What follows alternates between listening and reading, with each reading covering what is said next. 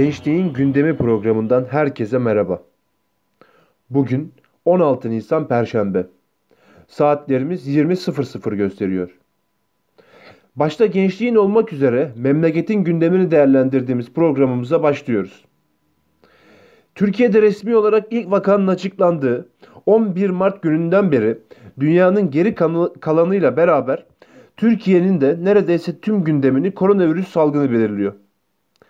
Ve salgının milyonların hayatını belirlediği, bütün gündemleri meşgul ettiği tablo şu an öngörülen senaryoların tamamında daha sürecek gibi duruyor. İlk vakanın açıklanmasının ardından 36 gün geçti. Hemen derneğimizin basın sözcüsü Ezgi Türkiye bağlanacağız ve her yayının başında olduğu gibi önce Türkiye'de yaşanan son gelişmeleri değerlendirecek.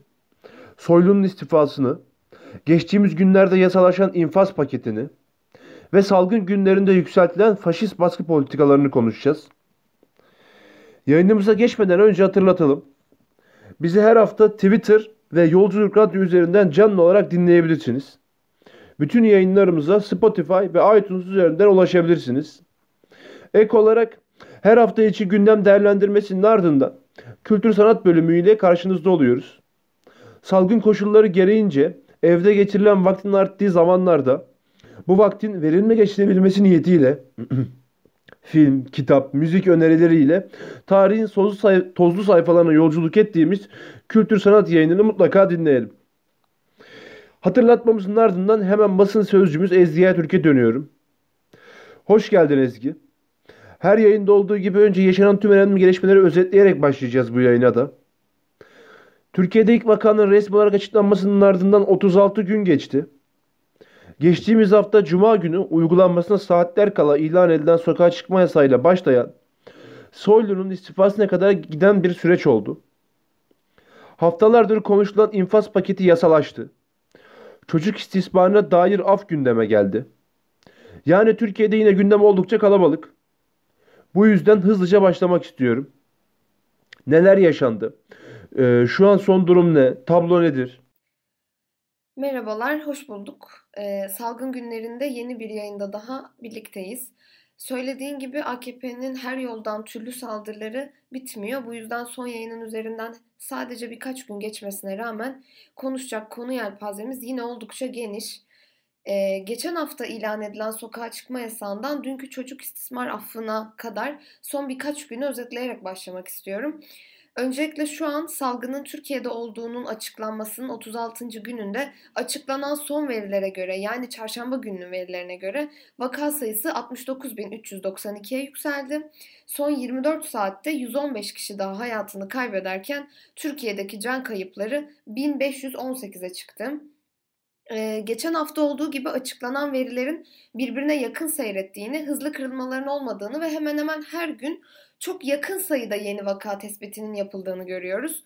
Test sonucu gelmeden yaşamını yitirenlerin koronavirüsten ölmemiş gibi kayıt altına alındığını kanıtlayan belgelerin sosyal medyada yaygınlaşması ile beraber açıklanan verilerin şaibeli olduğu konusu güncelliğini hala koruyor.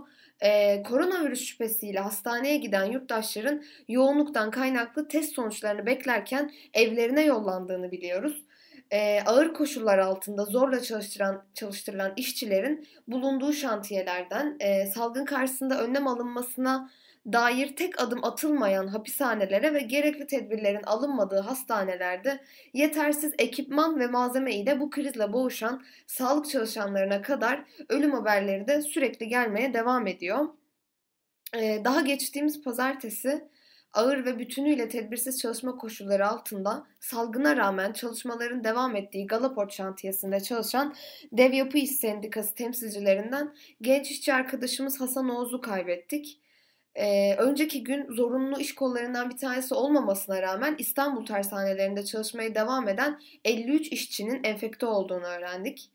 Yani şu an e, sürü bağışıklığı tezi PTT işçilerinden market çalışanlarına, oradan sanal market kuryelerine, inşaat işçilerine, sağlık çalışanlarına yani çalışmaya devam eden tüm emekçilere fiilen dayatılıyor. E, hem zorunlu üretim alanları dışında zorla çalıştırılanlardan hem de zorunlu çalışma alanlarında tedbirler alınmadan çalışan işçilerin hayatı pahasına katlandıkları süreç e, geçen haftalarda olduğu gibi ve bu yayınlarda özetlediğimiz gibi hala aynı ve ortada. Sağlık Bakanı bir yandan vaka tespitinde başarılıyız, hasta tedavisinde, yoğun bakımda başarılıyız, işte yüksek bir motivasyona sahibiz, mücadelede üstün güç biziz şeklindeki açıklamalarıyla vaka artış hızının da ölüm artış hızının da yavaşladığını söyledi önceki gün. Bu açıklamalardan anlıyoruz ki Dünya Sağlık Örgütü'nün Türkiye'de vakaların hala arttığına, salgının büyüdüğüne dikkat çeken açıklamalarına ve geçtiğimiz cuma günü hiçbir önlem alınmadan ve açıklanmadan uygulanmasına saatler kala ilan edilen sokağa çıkma yasağı kararı sonrası yüz binlerce insanın hayatını tehlikeye, de, tehlikeye sokan tabloya e, ve zorla çalıştırılan milyonlarca işçiye rağmen Türkiye'de şu anda pandemiden AKP'nin hanesine bir başarı ve kahramanlık öyküsü daha yazılmaya çalışılıyor. Peki sen devam etmeden hemen araya gireyim. Soylu'nun istifası pazar günü Türkiye'nin gündemine oturdu. Hızlı bir şekilde de beklenildiği gibi Erdoğan'ın bu istifayı kabul etmediği haberini aldık. Bu konuya dair tiyatro, Soylu'nun şahsi, şahsi şovu gibi çok çeşitli değerlendirmeler yapıldı. Biz de burayı açalım istiyorum. Tüm bu sokağa çıkma yasağı, istifa, kabul etmeme şeklinde ilerleyen süreci nasıl değerlendirmek gerekir? Tam ben de o konuya geliyordum. Ee, yani süreci çok kısa özetlemek gerekirse sermayenin bekası uğruna ücretli izin talebini yok sayan ve hizmet ve üretim alanlarını durdurmayan AKP ancak hafta sonu için alabildiği sokağa çıkma yasağı kararını geçtiğimiz cuma günü uygulanmasına saatler kala aldı ve temel ihtiyaçların nasıl karşılanacağına dair hangi önlemlerin alındığı konusunda hiçbir açıklama yapmadan ilan etti. Dolayısıyla iki günlük yasak süresi boyunca temel ihtiyaçlarını karşılama derdinde olan yüz binlerce insan o gün sokakları, bakkalları, marketleri doldurdular. E, bu hamlesiyle halkı korku ve paniğe sevk eden AKP e, böylece günlerdir süren sosyal mesafe, gönüllü karantina, evde kal çağrılarını da bir gecede bütünüyle ihlal etmiş oldu ve geriye cuma gecesi boyunca sosyal medyadan takip ettiğimiz kalabalık sıralar, kaos ve kavga görüntüleri kaldı.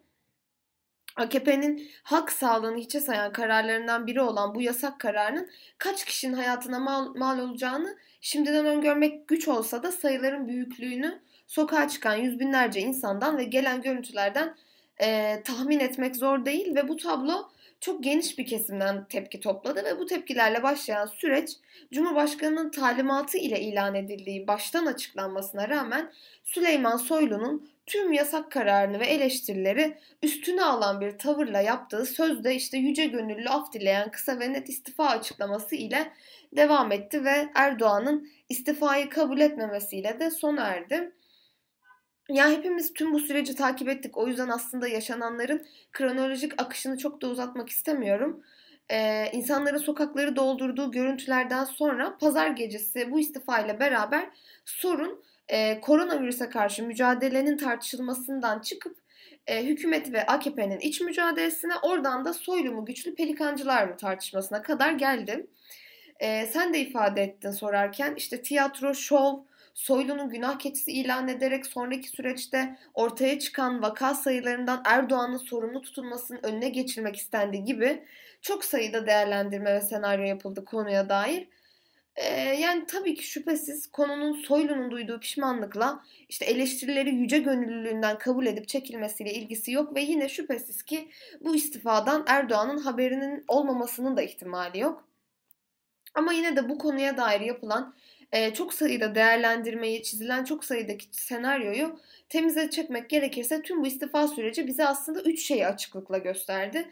Bunlardan birincisi bu hamleyle Cumhurbaşkanı'nın talimatı olduğunu e, altını çizerek açıkladığı yasak kararı sonrası e, Soylu'nun eleştirileri kendi üzerinden attığına yönelik AKP içinden e, yine kendisine yönelik gelen tepkileri def ettiği.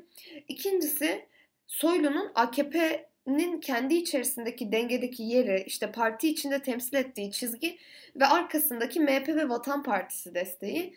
Üçüncü ve en önemlisi ise e, tüm senaryolarda ortaya çıkan ortak değerlendirme bu sürecin AKP içerisinde şu aralar gönül, görünürlüğe kavuşan ama aslında alttan alta varlığını çok uzun süredir devam ettiren çatışmayı su yüzüne çıkardı.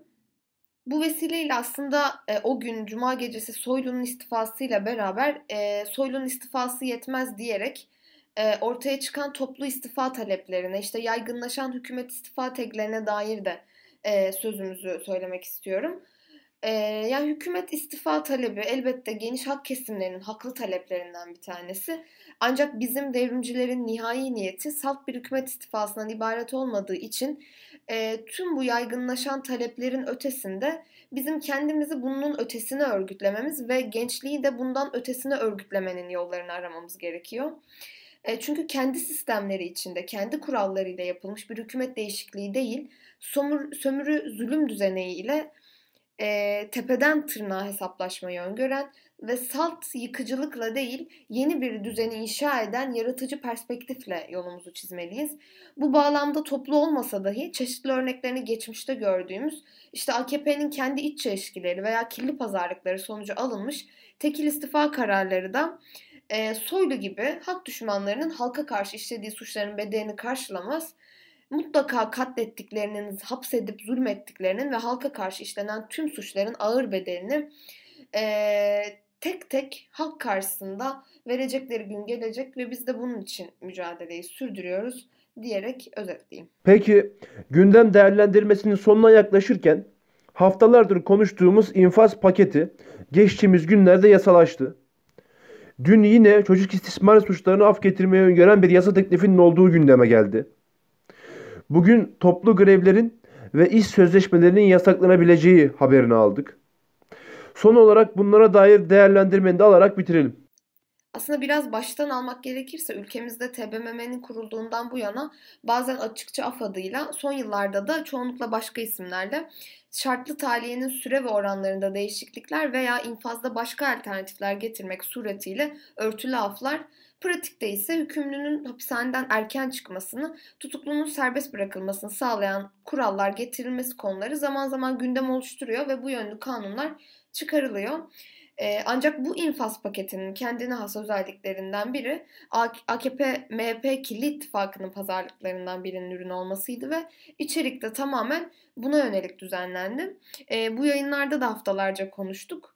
Yasalaşan son haliyle cinsel suçlardan tutuklu pek çok erkeğin salı verilmesine sebep olacak olan yasa kadınları savunmasız bırakırken e, AKP'nin kendi hukuklarını dahi hiçe sayarak polis fezlekesine dayalı iddianamelerle hüküm dağıttığı suçlar olan terör suçları, örgüt kurmak, yönetmek veya örgüte üye olmak suçları, e, örgüt faaliyeti kapsamında işlenen suçlar bu infaz düzenlemesinin kapsamı dışında kaldı.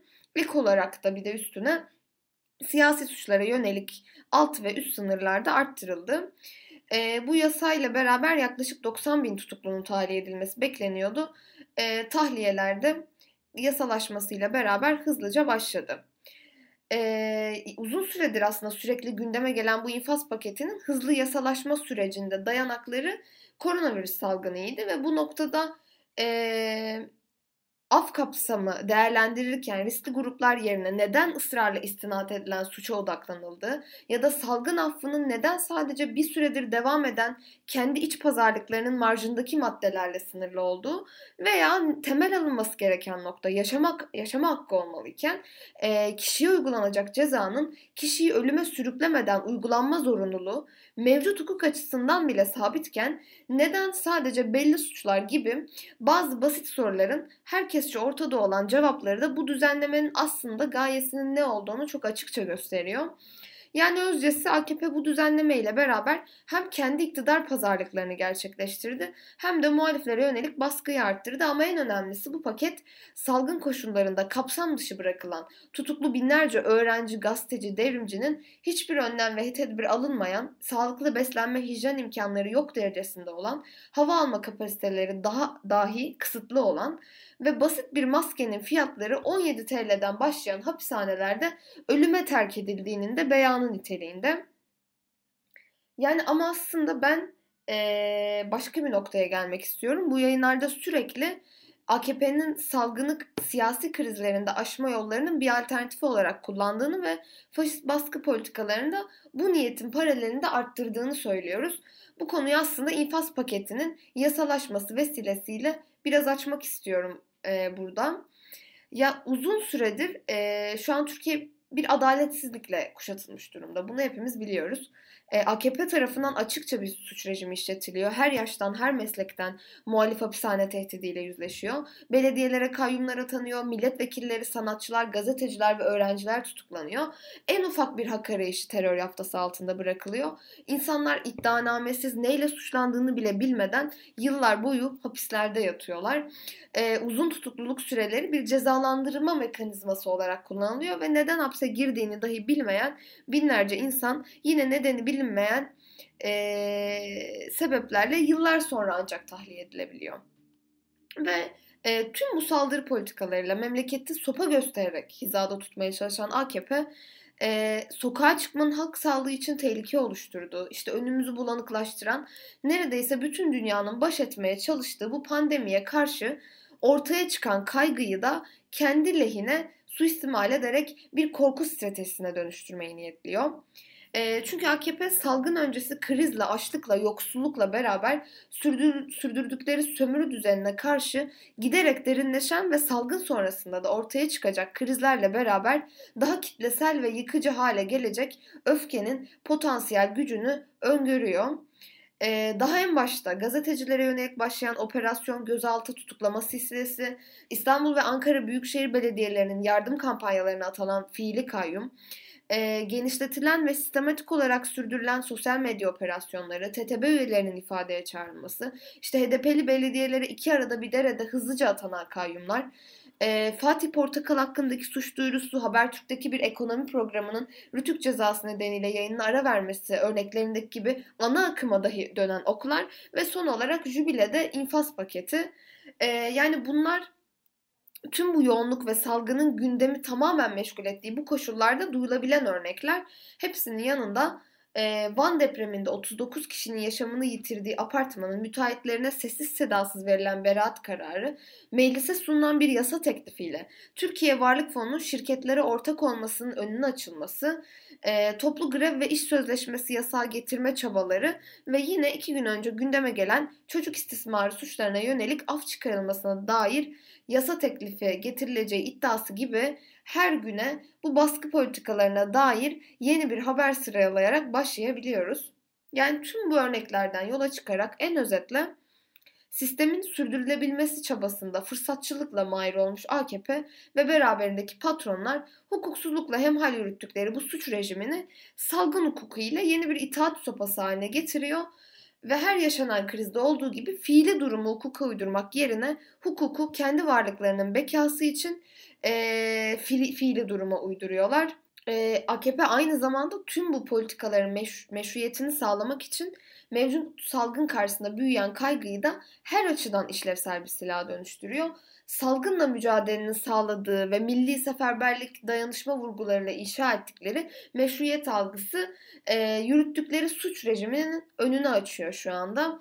Öyle ki PE gibi bir iktidar karşısında bile sokağa çıkma yasağı talebinin geniş kitlelerce tekrarlanırken e, meclis bypass edilerek Cumhurbaşkanlığı kararnameleri ve hatta bakanlık genelgeleriyle uygulamaya sokulan bu gayri resmi olağanüstü halin hukuka neden uygun olmadığı sorulmuyor. E, temel hak ve özgürlüklerin sınırlandırıldığı kimi genelgelere çoğu zaman ulaşmak bile mümkün olmuyor ve bu genelgeleri arayan da çıkmıyor. E, ancak tam olarak bu noktada birazcık sona da yaklaşırken şunu söylemek gerekiyor. AKP'nin e, kendileri için öngördükleri tehlikenin bize de kendi potansiyelimizi göstermesi gerekiyor. E, korku, kaos, panik, açlık önümüzü göremiyoruz ve bu bulanıklığı bulanıklığı berraklaştırmanın tek yolu kapitalizmin hali hazırdaki eşitsizliklerini görünür kılan, derinleştiren ve salgınla beraber bu olağanüstü halin getirdiği paniği öfkeye dönüştürmemiz AKP ve patronlar için bundan sonra hiçbir şeyin aynı kalmayacağı bir yolda bu öfkeyi örgütleyebil örgütleyebilmemiz şeklinde bitirmiştik biz geçen yayını. Tüm bu konuştuklarımın karşısında tek çıkış yolunun bu olduğunu kavrayarak toplumun en dinamik kesimi olma potansiyelindeki gençliğinde öncelikli olarak inisiyatif alması gerekiyor e, şu an salgının getirdiği tedirginlik, AKP'nin politikaları ile derinleşecek yoksulluğun yarattığı geleceksizlik kaygısı, gençliğin cüretini ve cesaretini yeniden harekete geçirme fırsatı sunuyor desem herhalde e, abartı olmaz.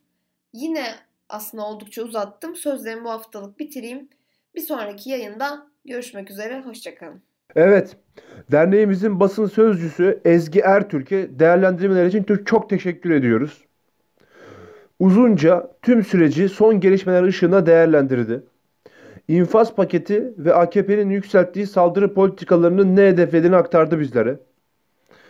Salgın tedbirleri nedeniyle evde kalabilen dinleyici, dinleyicilerimizin vaktini verimli geçirebilmesi için iyi bir seçenek olabilecek kültür sanat yayınımıza geçiyoruz şimdi.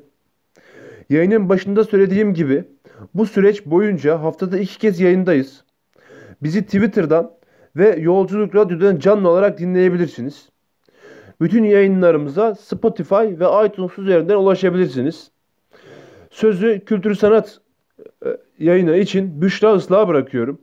Bir sonraki yayında görüşmek üzere. Hoşçakalın. Merhaba.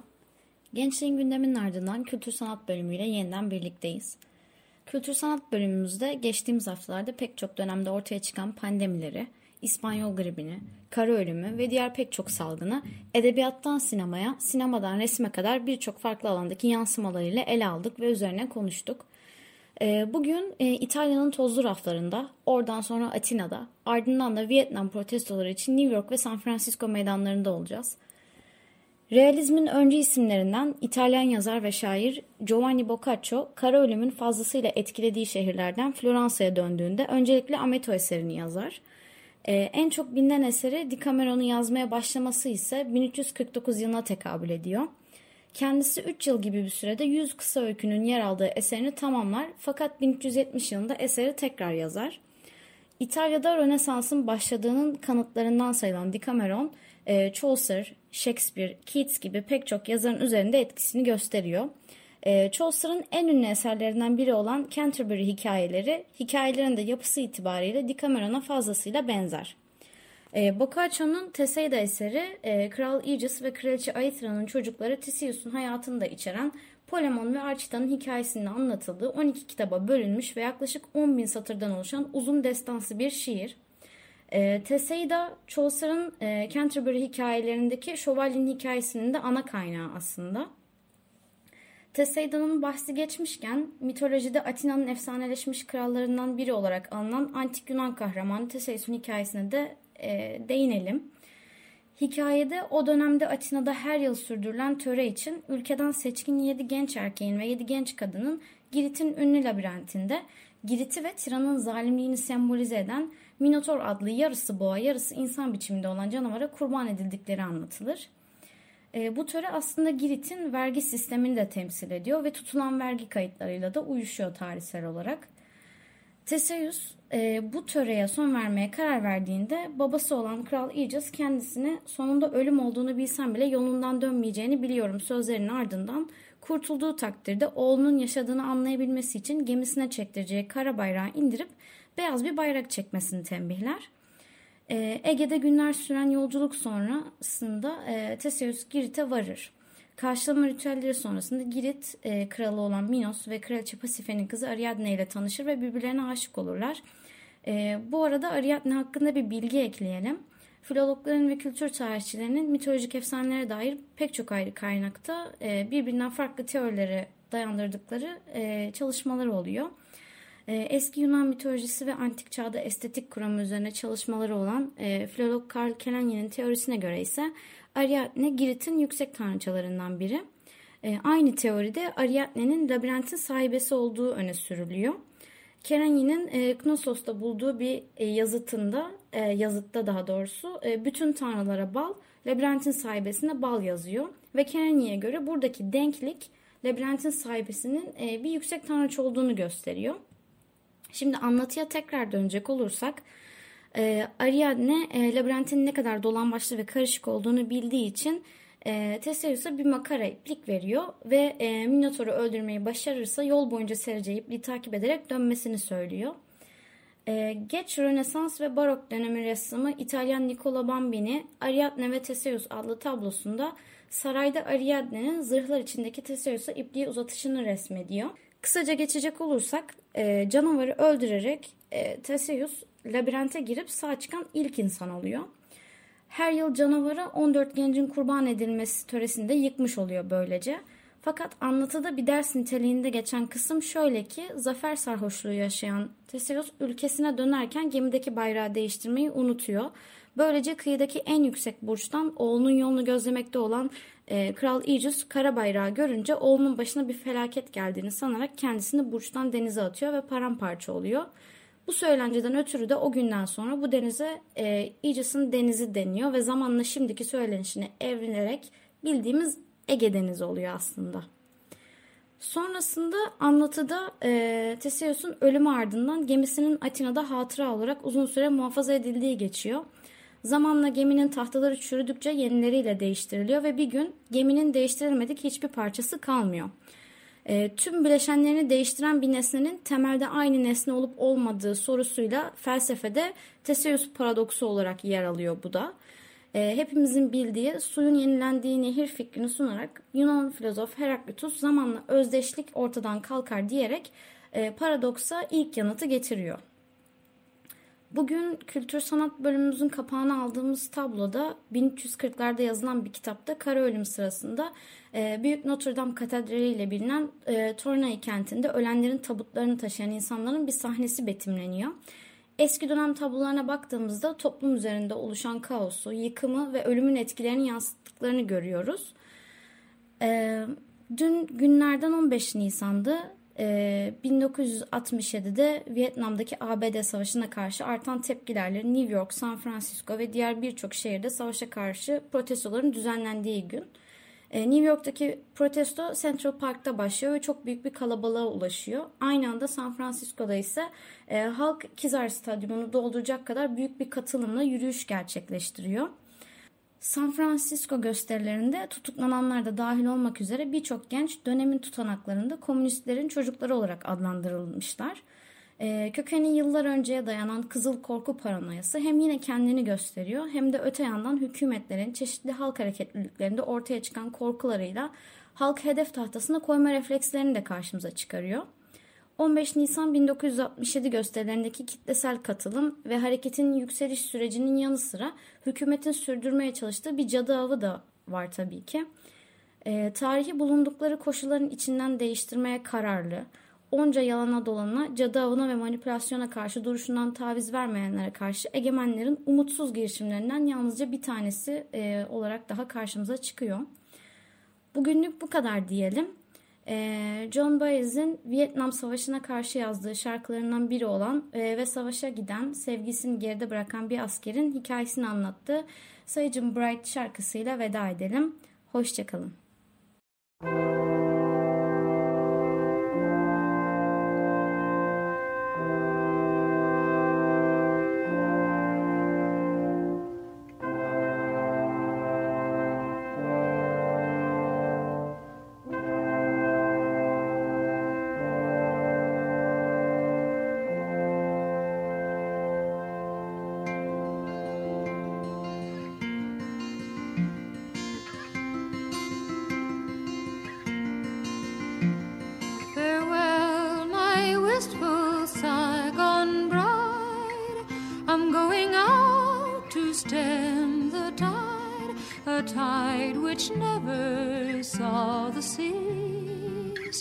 It flows through jungles around the trees. Some say it's yellow, some say red. It will not matter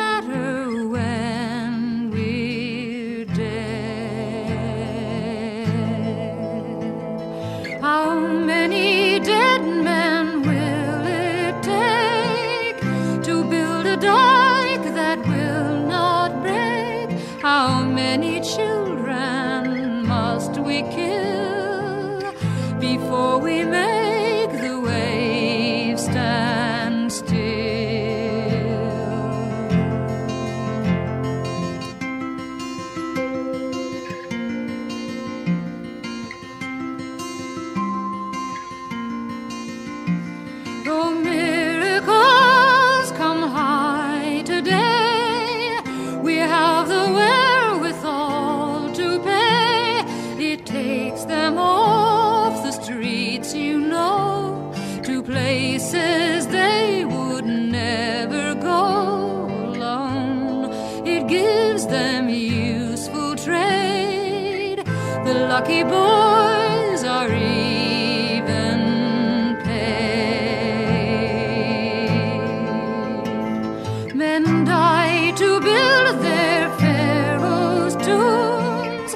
And still and still the teeming